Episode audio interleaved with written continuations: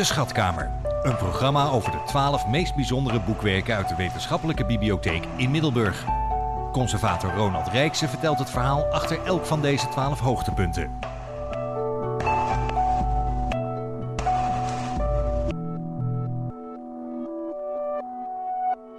In deze schatkamer, de zesde aflevering alweer, zit ik voor de kabinetjes of vitrines. Het zijn er 36 in totaal, eh, verspreid over 12 hoogtepunten. Ronald Rijks, je bent degene die dat als eh, conservator oud bezit allemaal heeft samen mogen stellen. Mooi project, maar wat een prachtige boek heb je nu weer uitgekozen. Onder welk thema hebben we dat nu? Laten we dat vallen.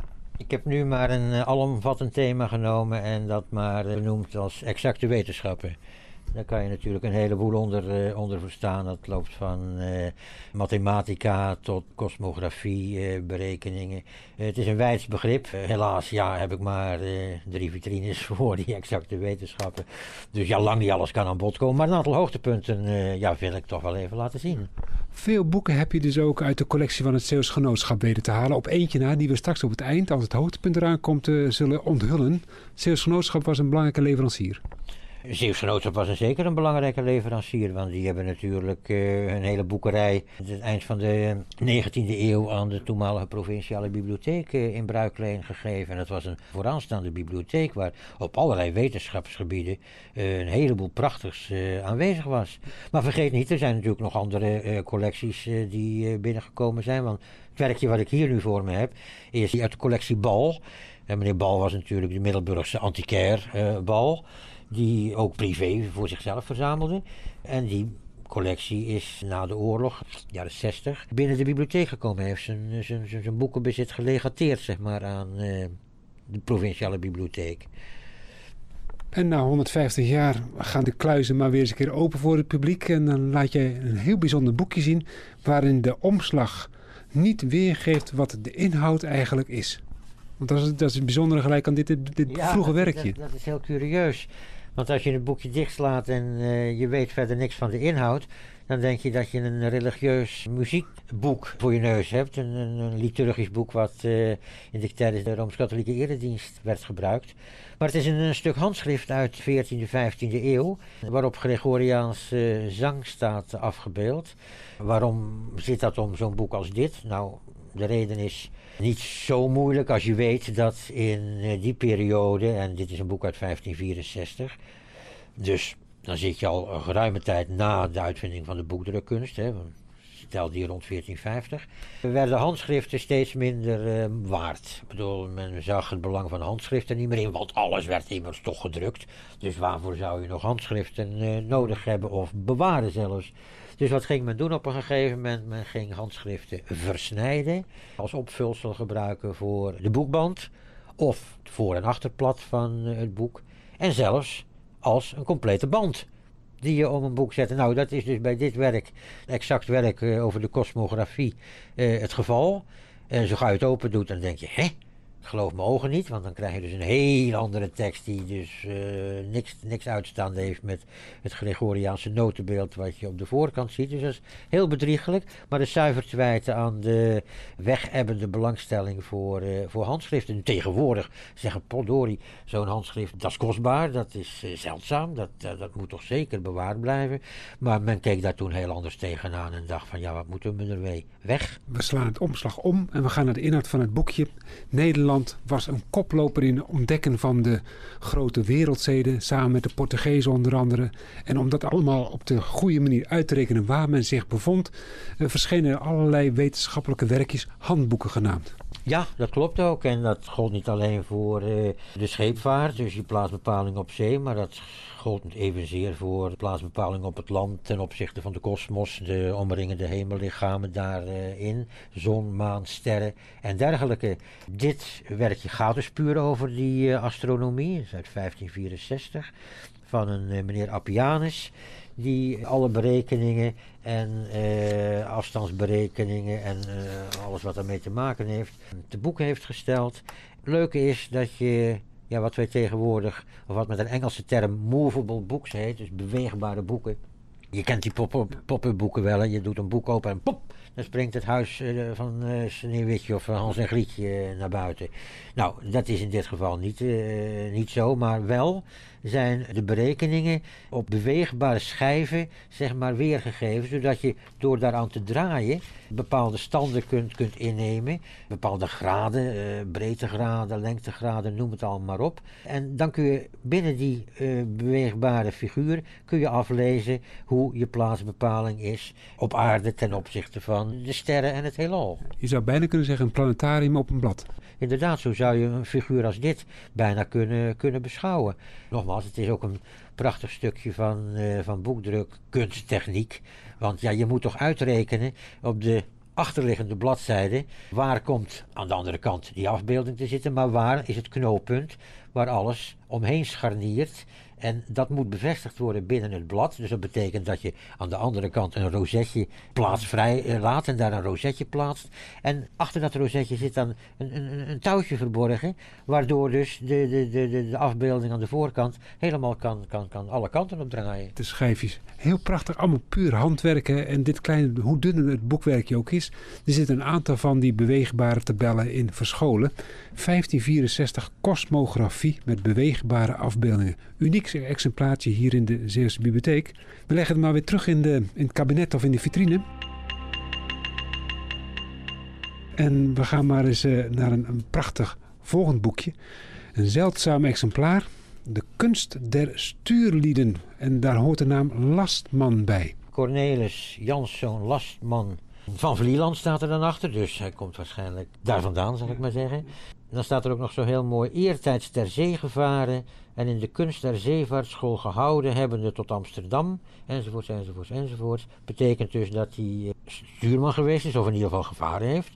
En daarna is hij docent geworden aan de zeevaartschool, om maar uh, hedendaagse termen uh, te zeggen. En heeft hij dus een, een, handboek samengesteld waarin alle berekeningen, driehoeksberekeningen, raaklijnen, snijlijnen, tafelen van de hoekmaten uit en te na beschreven zijn omdat men dus op zee zittende zijn plaats kon bepalen aan de horizon of de zon, de, de sterren, de maan enzovoort enzovoort. En dat was natuurlijk nodig. En het kwam ook steeds meer in zwang, omdat vanaf deze periode Nederland natuurlijk een zeevarende natie eerste klas uh, werd. En ja, daar hoorden natuurlijk toch allerlei handboeken bij om zich via het water naar andere continenten te kunnen verplaatsen. Denk maar aan de Verenigde Oost-Indische Compagnie, de West-Indische Compagnie enzovoorts. Boeken die dus uh, eigenlijk uh, verplicht waren om mee te nemen dus door de, door de kapitein en de stuurman niet te vergeten. Nou, we bladeren het even door en het ziet er fantastisch uit voor die tijd al.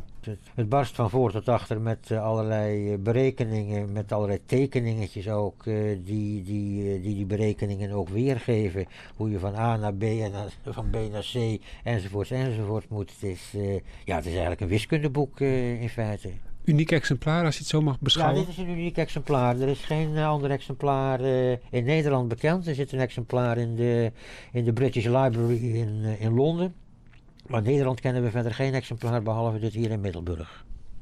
Kijk, men beschouwde dat waarschijnlijk toch een beetje als wat minderwaardige boeken. Als men ze niet meer nodig had, gooiden men ze weg, bij wijze van spreken. boeken natuurlijk. Hè. Het waren heel dikwijls echt uh, boeken die inderdaad aan boord ook of op school gebruikt werden. En ja, na gebruik dikwijls uh, veronachtzaamd werden en uh, kapot waren of wat dan ook. Je kon dan papier al zien. Hè. Er zijn heel wat vingers, vuile stuurmanvingers en matrozenvingers overheen gegleden. Een heel ander boek is uh, toch weer uh, met een Zeeuwse insteek. Uh, ik weet niet precies wat de insteek is, maar ik ben benieuwd hoe, of jij mij dat kan laten vertellen. Weer een soort handboek met allerlei tabellen over de zeevaart. Ja, een prachtige titel. Het vergulde licht der zeevaart of de konst der stuurlieden. Zijnde een volkomen en klare onderwijzingen der navigatie, bestaande in hetgeen een stuurman hoog nodig behoorde te weten. Nou, verdere uitleg is overbodig. Het is van meneer Gietermaker, in Middelburg gedrukt, uh, in 17, uh, 1713. Ja, dat staat ook weer vol met elementaire wiskunde, logaritmetafels, uh, trigonometrie. Eh, nou, alles ook wat, wat, wat nodig is om je die, die, die, die navigatie, die toch vrij, ja, toch nog vrij ingewikkeld was natuurlijk ook met alle instrumenten die daarbij hoorden, om je dat eigen te maken. Meneer Gietermaker was ook examinator van de Oost- en West-Indische compagnieën. Dus daar zit de belangstelling natuurlijk ook al. En natuurlijk niet alleen de belangstelling, maar het was bittere noodzaak uh, voor de, de, VOC en de WIC om natuurlijk de stuurlieden zo goed mogelijk uh, op te leiden, zodat ze redelijk veilig hun weg over het water konden vinden. Want ja, iedere faux pas eh, die men onderweg maakte, kostte natuurlijk de hoge heren in, eh, in Middelburg of in Amsterdam flink wat centen. Want uh, dikwijls ging het schip dan natuurlijk kopje onder.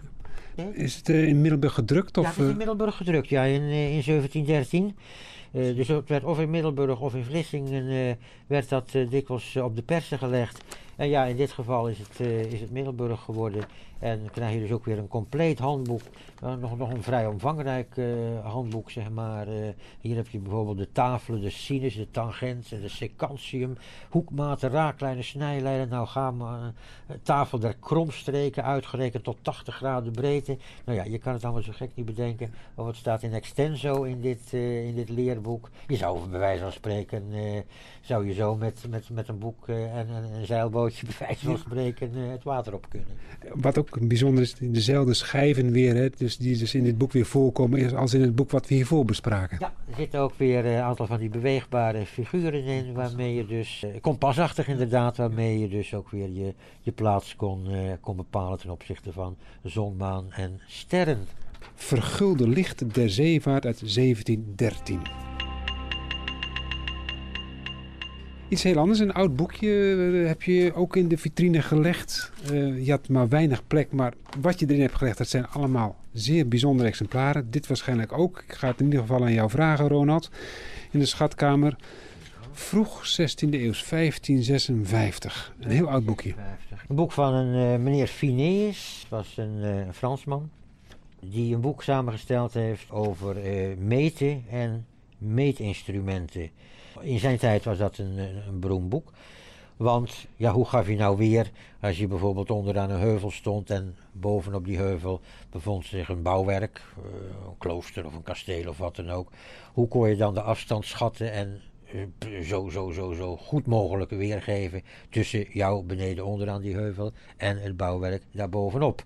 Nou, daar werden dus allerlei ingewikkelde berekeningen op losgelaten. Er werden instrumenten voor ontwikkeld. Die berekeningen en die instrumenten staan dus in dit boekje De Re et Praxi Geometrica weergegeven en afgebeeld. En daar zie je dus bijvoorbeeld uh, een mannetje, zijn, zijn hele, ja, je zou bijna zeggen, uh, naïeve, naïeve tekeningetjes die erin staan. Uh, dan zie je bijvoorbeeld hier een houtgravure van een meneer met een ingewikkeld instrument. Bovenaan de hoge heuvel staat een kerkje. En hij doet zijn best om dus met dat instrument de afstand daartoe te bepalen. En in de uh, bladzijde daarnaast staat dan precies weergegeven uh, hoe dat dan in zijn werk gaat. Uh, die, die, plaat van die, of het instrument van die manier is ook weer onderverdeeld met letters A, B, C, D en E bijvoorbeeld. En die corresponderen dan weer met de uitleg tegenoverliggende pagina. Uniek boekje wat dat betreft? Ja, vrij uniek boekje. En de inhoud is prachtig gaaf bewaard gebleven, gelukkig. De band helaas weer niet, maar daar hebben we het al een aantal keren eerder over gehad. Maakt deel uit van de collectie van het uh, Zeeuws Genootschap. En is dus een vroeg voorbeeld van een, wiskundig meet- en leerboek, zal ik maar zeggen. Een van de twaalf thema's die jij dus hebt uitgekozen van 150 jaar wetenschappelijke bibliotheek. We hebben iets heel anders. Uh, ja, rekenboekjes had je misschien nog niet helemaal, maar dit heeft toch wel iets met cijferen of met rekenen ja, te maken. Dit gaat toch de kant op van de algebra en, en, en de meetkunde, zal ik maar zeggen. Voornamelijk de algebra. Dat is uh, het Zeelandse cijferboek. Dat is al een hele fraaie titel natuurlijk. In Vlissingen gedrukt in 1705. Samengesteld door uh, meneer Gerard van der Tollen. En meneer Van der Tolle was eerst ook kapitein, of heeft hij al op, op, op een schip gevaren. En is daarna onderwijzer of docent geworden in de wiskunde en de zeevaartkunde in Vlissingen. Nou, de zeevaartschool zit nog steeds in Vlissingen, dus Gerrit van der Tolle was een van de uh, voorlopers van de huidige docent al daar, zeg maar. Daar staat er ook heel fraai op de titelpagina, Zeelandse cijferboek, zijnde een korte en klare onderwijzing in de beginselen en gronden van de cijferkonst met veel schone exempelen, zeer nut en bekwaam voor alle leerlingen. Dat geeft natuurlijk al de doelstelling van het boekje sowieso uh, aan. En het is inderdaad een, boekje met uh, allerlei tafels en, en, en, berekeningstabellen enzovoorts enzovoorts. Een soort wiskundeboekje en uh, als boekje, een pocketformaat, mooi uitgevoerd. Ja, mooi uitgevoerd. Je kunt zien dat er natuurlijk wel hier en daar wat gebruikssporen uh, zijn, maar dat is logisch met dit soort, met dit soort boekjes. We mogen blij zijn dat het gewoon nog, nog overgeleverd is in feite. Toch ook wel weer een uniek exemplaar, denk ik.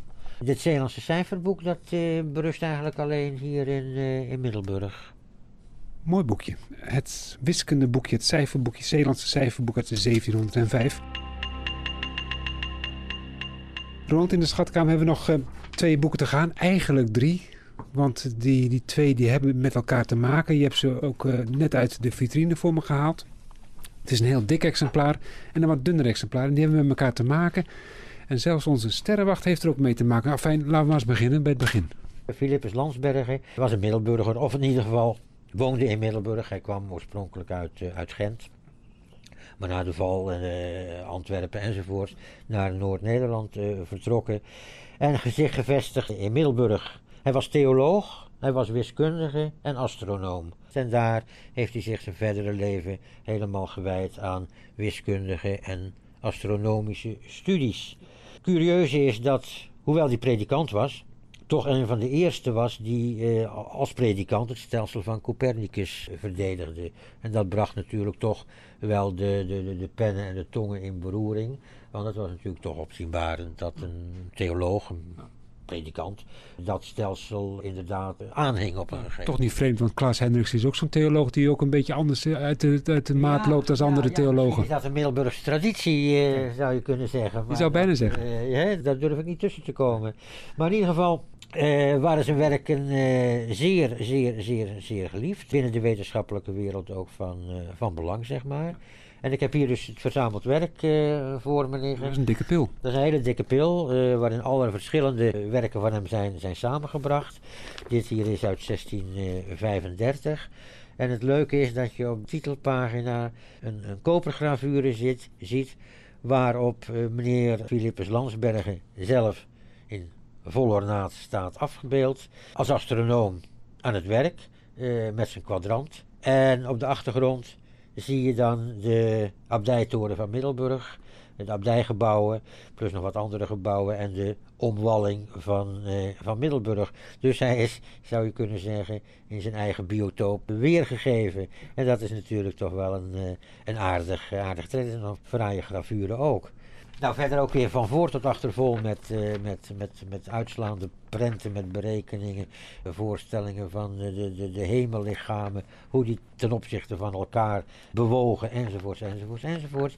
Heel geleerd werk, maar toch voor zijn tijd erg, uh, erg belangwekkend. Zeer bijzonder ook, zeker het verzameld werk. Als je dat uh, niet kon aanschaffen en je, je wilde toch nog iets van Philippus Landberg weten, dan bestond er ook nog een klein uitgaafje.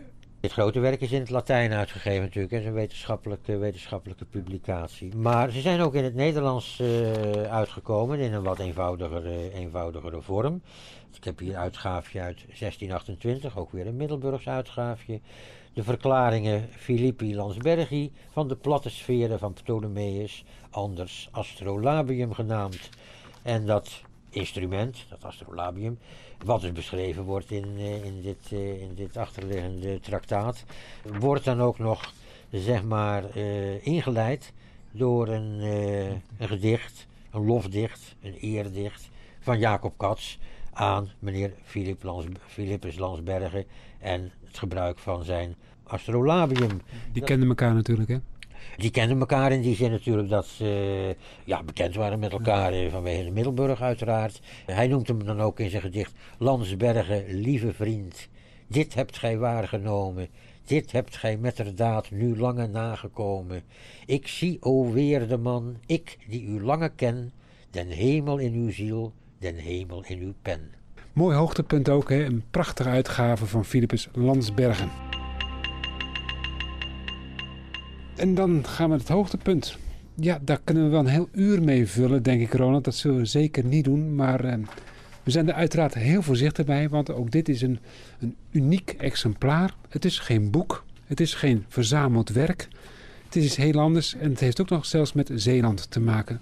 Nou, ik denk dat we de luisteraar wel heel erg nieuwsgierig maken wat dat nou voor een bijzonder werk is. Er komt zelfs trouwens nog een boek van in de toekomst. Dat kunnen we nog bij vermelden. Laat het ons snel weten. Ja, wat ik hier heb, dat is inderdaad uh, uniek te noemen. Dit is het uh, handschrift van uh, meneer Isaac Beekman. En Isaac Beekman leefde eind 16e eeuw, begin 17e eeuw, 1588, 1637. Middelburg geboren, heeft zich opgewerkt tot een natuurkundige, zelfs ingenieur en meteoroloog was hij ook nog.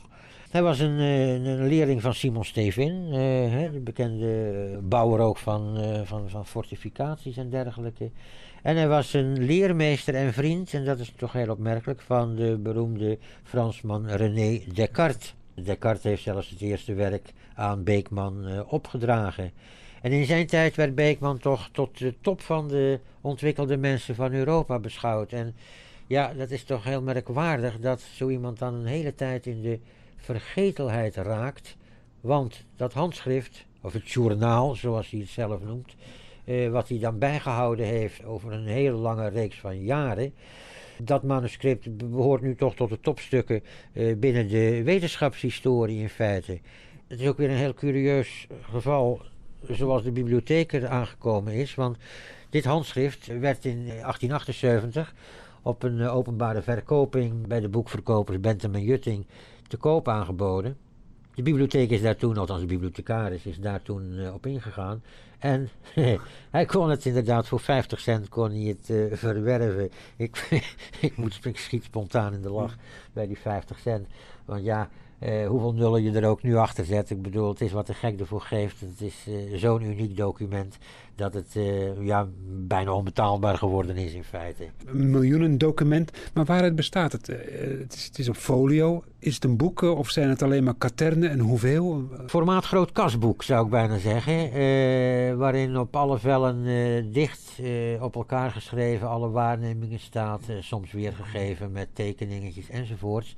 Die hij zijn hele leven heeft, heeft gedaan. Het is een, een behoorlijk omvangrijke stapel. Het zijn drie hele dikke dozen vol met kasboekbladzijden, om het uh, maar zo te zeggen.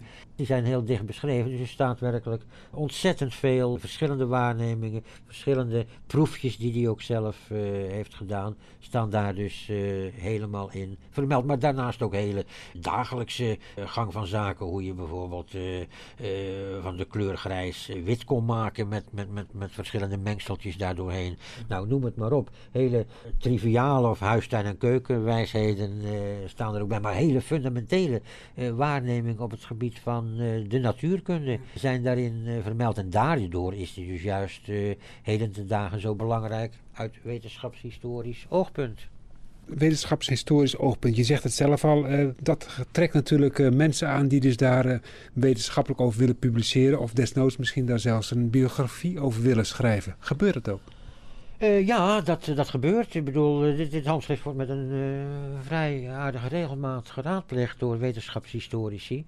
En Klaas van Berkel, die dus over dit handschrift in het Zeeuws tijdschrift schrijft, bereidt momenteel een grote publicatie voor, een wetenschappelijke publicatie in het, in het Engels, die waarschijnlijk volgend jaar bij Harvard University Press in Amerika zal verschijnen. Misschien zelfs wel in Middelburg gepresenteerd wordt, maar dat moeten we nog bekijken. Waarin dus de ideeën van Beekman en zijn belang voor de wetenschapshistorie uit en te na uh, aan de orde zal komen. Want vergeet niet dat Beekman ook een van de eerste jongens was binnen de Nederlandse natuurkunde. En je praat nu toch over het begin van de, van de, van de 17e eeuw. Die een soort voorloper van de atoomtheorie uh, ontwikkelde. Hij baseerde zich wel op de Grieken, die natuurlijk ook al uh, iets van uh, atomen dachten te kunnen onderscheiden, althans benoemden. Uh, Democritus en, en, dat soort figuren. Maar hij bouwde dat uit, hij ging daarop door en hij ontwikkelde inderdaad een, een bepaalde theorie waar men nu, nu men met ogen van he, heden ten dagen terugkijkt op dit handschrift, dacht verdraaid, dat is zeer voorlijk voor die tijd, dat men al met zo'n gedachtegang eigenlijk op de, op de proppen kwam. En daarom is Beekman eh, ja, toch van belang, omdat hij het ook te boek stelde. Ik bedoel, het bleef niet bij, uh, bij, bij correspondentie of wat dan ook, of gepraat in de huiskamer. Maar hij zette ook dat soort zaken zwart op wit op, op papier. Maar mede doordat ja, op een gegeven moment Descartes en, hij gebrouilleerd raakte, uh, is die hele vriendschap tussen, tussen Beekman en Descartes in de vergetelheid geraakt. En pas, ja, zeg maar, van het begin van de 20e eeuw is dat boven water gekomen toen dat handschrift weer bekend werd. En meneer De Waard, een zekere meneer De Waard, heeft toen in 19, begin van de 20e eeuw, ik meen in 1904 of daaromtrent, heeft dat hele handschrift uh, uitgegeven. Zij het dat er met de wetenschap van nu wel wat haken en ogen uh, aan zitten. Uh, maar hij heeft in ieder geval toch geprobeerd om die uh, als eerste om een soort rehabilitatie van, van Beekman te bewerkstelligen. En hij heeft dus ook die teksten uitgegeven. En die zijn soms in het Nederlands, soms in het Latijn. Maar je kunt dus hier gewoon van voor tot achter lezen wat er in het handschrift staat. Want hier en daar is het oorspronkelijke handschrift wat moeilijk te lezen. Kijk, en de Waard heeft natuurlijk nog het voordeel gehad dat hij het handschrift heeft gezien voordat het uh, in 1940 ook door de brand werd uh, getroffen. Want ja, dat kun je ook duidelijk zien. Uh, de waterschade en de, de, de, de, de roetschade en de schimmelvorming, die toch bij een behoorlijk aantal katernen wel eens, wel eens opgetreden. Maar goed, desondanks is het nog leesbaar. Sommige plekken wat moeilijker, maar goed, er zijn instrumenten voor om, dat, eh, om die tekst toch weer goed uh, boven water te krijgen. Maar het is natuurlijk toch wel, uh, toch wel aangetast. Maar ja, meneer De Waard had daar nog geen last van, dus die kon in extenso van voor tot achter het, het handschrift helemaal, helemaal goed lezen. En heeft dat dan ook inderdaad, en dat is toch wel een waardevolle poging geweest, om dat al zo vroeg te boek te stellen. Meneer De Waard was de eerste die dat deed, uh, om dat keurig netjes uit te werken. En we hopen in ieder geval dat Klaas van Berkel dus dat uh, op een prachtige manier uh, weet af te ronden. De grootste onbekende exacte wetenschapper Beekman, afkomstig uit Zeeland, uit Zierikzee mag je wel zeggen. Het was in ieder geval een dagboek wat, wat hij begon in 1604, dacht ik. En uiteindelijk eindigde in 1636. 32 jaar lang. Een heel mensenleven in die tijd lang. Rond, dankjewel. Graag gedaan, Theo.